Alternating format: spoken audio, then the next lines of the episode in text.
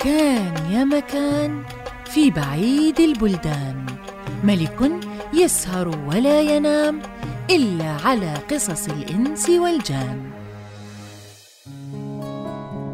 وبلغني أيضا أيها الملك السعيد أن الأمير موسى وجماعته عندما كانوا يستكشفون المدينة الخالية وجدوا قصرا مزخرفا متقنا وأن الأمير موسى دخل القصر.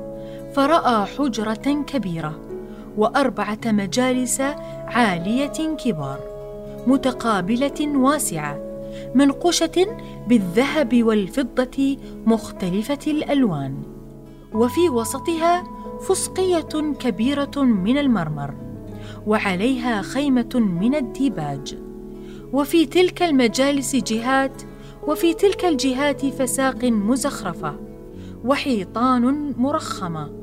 ومجار تجري من تحت تلك المجالس. وتلك الأنهار الأربعة تجري وتجتمع في بحيرة عظيمة مرخمة باختلاف الألوان. ثم وصلوا إلى قاعة مصنوعة من رخام مصقول منقوش بالجواهر. يتوهم الناظر أن في طريقها ماء جارية لو مر عليه لزلق. فأمر الأمير موسى الشيخ عبد الصمد أن يطرح عليها شيئا حتى يتمكنوا أن يمشوا عليها ففعل ذلك وتحيل حتى عبروا. فوجدوا فيها قبة عظيمة مبنية بحجارة مطلية بالذهب. لم يشاهد القوم في جميع ما رأوه أحسن منها. وفي وسط تلك القبة قبة عظيمة كبيرة من المرمر. بدائرها شبابيك منقوشة مرصعة بقضبان الزمرد لا يقدر عليها أحد من الملوك وفيها خيمة من الديباج منصوبة على أعمدة من الذهب الأحمر وفيها طيور وأرجلها من الزمرد الأخضر. وتحت كل طير شبكة من اللؤلؤ الرطب مجللة على فسقية. وموضوع على الفسقية سرير مرصع بالدر والجواهر والياقوت. وعلى السرير امرأة كأنها الشمس الضاحية لم يرى الراؤون أحسن منها. وعليها ثوب من اللؤلؤ الرطب وعلى رأسها تاج من الذهب الأحمر وعصابة من الجواهر.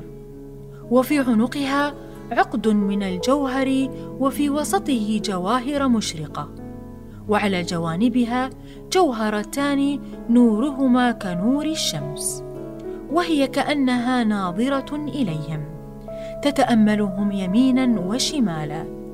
فالأمير موسى لما رأى هذه المرأة تعجب غاية العجب من جمالها وتحير من حسنها وحمرة خديها وسواد شعرها. يظن الناظر أنها بالحياة وليست ميتة. فقالوا لها السلام عليك. ورحمة الله وبركاته. فقال له طالب بن سهل أصلح الله شأنك. اعلم أن هذه المرأة ميتة لا روح فيها. فمن أين لها أن ترد السلام؟ أيها الأمير إنها صورة مدبرة بالحكمة وقد قلعت عيناها بعد موتها وجعل تحتها زيبق. وأعيدتا إلى مكانهما فهما يلمعان كأنما يحركهما الهدب. يتخيل للناظر أنها ترمش بعينيها وهي ميتة. سبحان الذي قهر العباد بالموت. وأما السرير الذي عليه المرأة فله درج. وعلى الدرج خدامان. بيد أحدهما آلة من الفولاذ وبيد الآخر سيف مجوهر يخطف الأبصار. وبين يدي الخدامين لوح من ذهب وفيه كتابة تقرأ وهي. بسم الله الرحمن الرحيم. الحمد لله خالق الإنسان وهو رب الأرباب ومسبب الأسباب.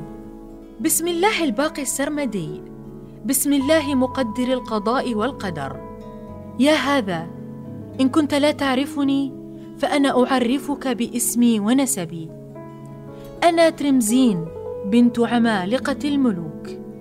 من الذين عدلوا في البلاد وملكت ما لم يملكه أحد من الملوك. وعدلت في القضية وأنصفت بين الرعية وأعطيت ووهبت. وقد عشت زمنا طويلا في سرور وعيش رغيد.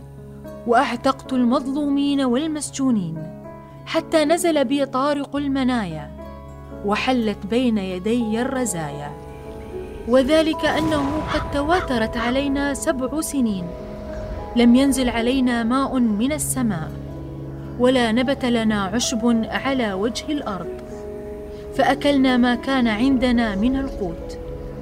ثم عطفنا على المواشي من الدواب. فأكلناها ولم يبقى شيء.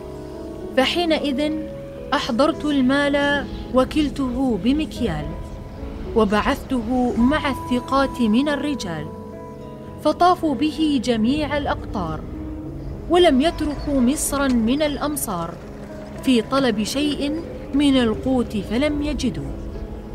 ثم عادوا إلينا بالمال بعد طول الغيبة فحينئذ أظهرنا أموالنا وذخائرنا وأغلقنا أبواب الحصون التي بمدينتنا. وسلمنا الحكم لربنا وفوضنا أمرنا لمالكنا.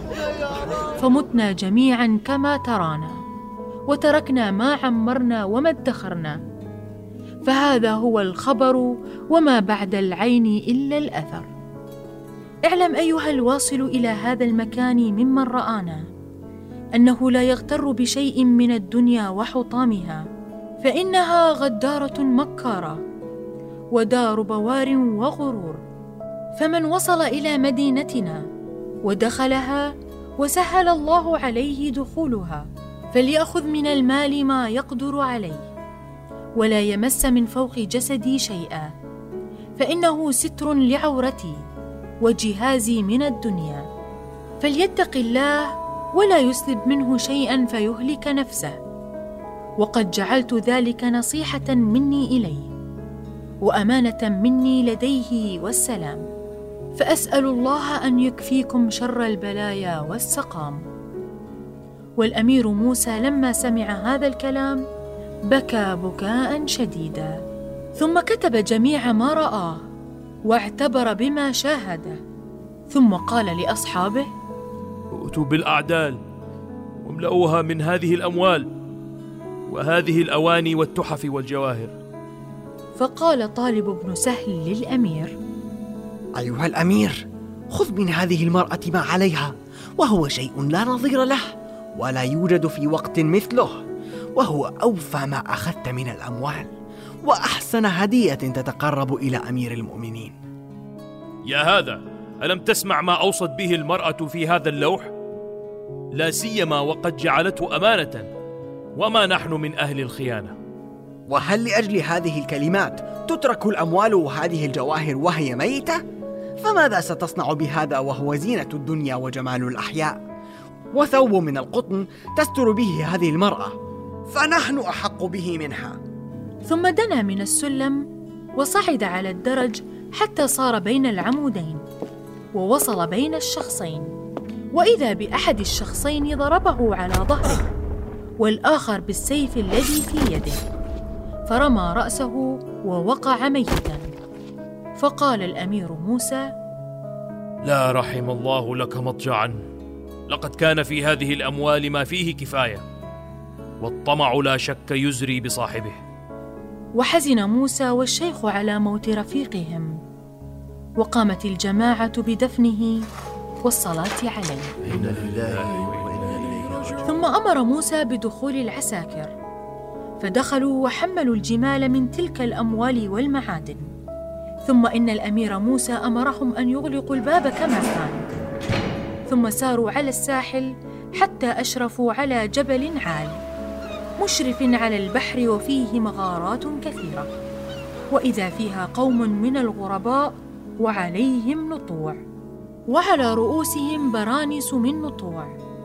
لا يعرف كلامهم.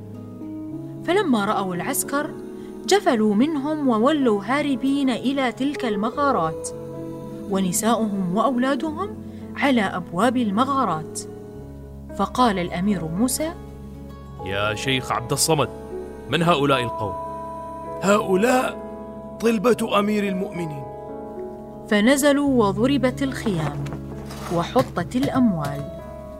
فما استقر بهم المكان حتى نزل ملك القوم من الجبل ودنا من العسكر وكان يعرف العربية. فلما وصل إلى الأمير موسى سلم عليه فرد عليه السلام وأكرمه. فقال الملك للأمير أنتم من الإنس أم من الجن؟ أما نحن فمن الإنس وأما أنتم فلا شك أنكم من الجن. لانفرادكم في هذا الجبل المنفرد عن الخلق ولعظم خلقكم. بل نحن قوم آدميون من أولاد حامن بن نوح عليه السلام. وأما هذا البحر فإنه يعرف بالكركر. ومن أين لكم علم ولم يبلغكم نبي أوحي إليه في مثل هذه الأرض؟ أعلم أيها الأمير أنه ظهر لنا من هذا البحر شخص له نور تضيء له الآفاق فينادي بصوت يسمعه البعيد والقريب. فيقول يا أولاد حام استحوا ممن يرى ولا يرى وقولوا لا إله إلا الله محمد رسول الله وأنا أبو العباس الخضر. وكنا قبل ذلك نعبد بعضنا فدعانا إلى عبادة رب العباد وقد علمنا كلمات نقولها. وما هذه الكلمات؟ هي لا إله إلا الله. وحده لا شريك له. له الملك وله الحمد. يحيي ويميت وهو على كل شيء قدير. وما نتقرب إلى الله عز وجل إلا بهذه الكلمات ولا نعرف غيرها. نحن أصحاب ملك الإسلام عبد الملك بن مروان. وقد جئنا بسبب القماقم النحاس التي عندكم في بحركم. وفيها الشياطين محبوسة من عهد سليمان عليه السلام. وقد أمر أن نأتيه بشيء منها يبصره ويتفرج عليه. حبا وكرامة. ثم أضافهم بلحوم السمك. وأمر الغواصين أن يخرجوا من البحر شيئا من القماقم السليمانية فأخرجوا لهم اثنتي عشر قمقما. فخرج الأمير موسى بها والشيخ عبد الصمد والعساكر لأجل قضاء حاجة أمير المؤمنين. ثم أن الأمير موسى وهب لملك القوم مواهب كثيرة وأعطاه عطايا جزيلة ثم ودعه وساروا حتى وصلوا إلى بلاد الشام. فدخلوا على أمير المؤمنين عبد الملك بن مروان فحدثه موسى بجميع ما راه وما وقع له من الأشعار والأخبار والمواعظ وأخبره بخبر طالب بن سهل. فقال له أمير المؤمنين ليتني كنت معكم حتى أعاين ما عاينتم. ثم أخذ القماقم وجعل يفتح قمقما بعد قمقم والشياطين يخرجون منها ويقولون التوبة يا نبي الله. ما نعود لمثل ذلك أبدا. فتعجب عبد الملك بن مروان من ذلك. وقد رضي بموسى والشيخ وجماعة المغامرين كلهم. ثم أن أمير المؤمنين أحضر الأموال وقسمها بين المسلمين وقال لم يعط الله أحدا مثل ما أعطى سليمان بن داود عليهما السلام. ثم رجع الشيخ عبد الصمد إلى بلاده وعائلته وأمضى بقية أيامه في سلام وهو لا ينسى أعظم مغامراته لمدينة النحاس. وأما موسى فهو سأل أمير المؤمنين أن يستخلف ولده مكانه. وهو يتوجه إلى القدس الشريف يعبد الله فيه. فولى أمير المؤمنين ولده وتوجه موسى إلى القدس الشريف حيث عاش في سعادة وعبادة ومات فيه بعد سنين طويلة. وهذا آخر ما انتهى إلينا من حديث مدينة النحاس على التمام والله أعلم. وأدرك شهرزاد الصباح فسكتت عن الكلام المباح.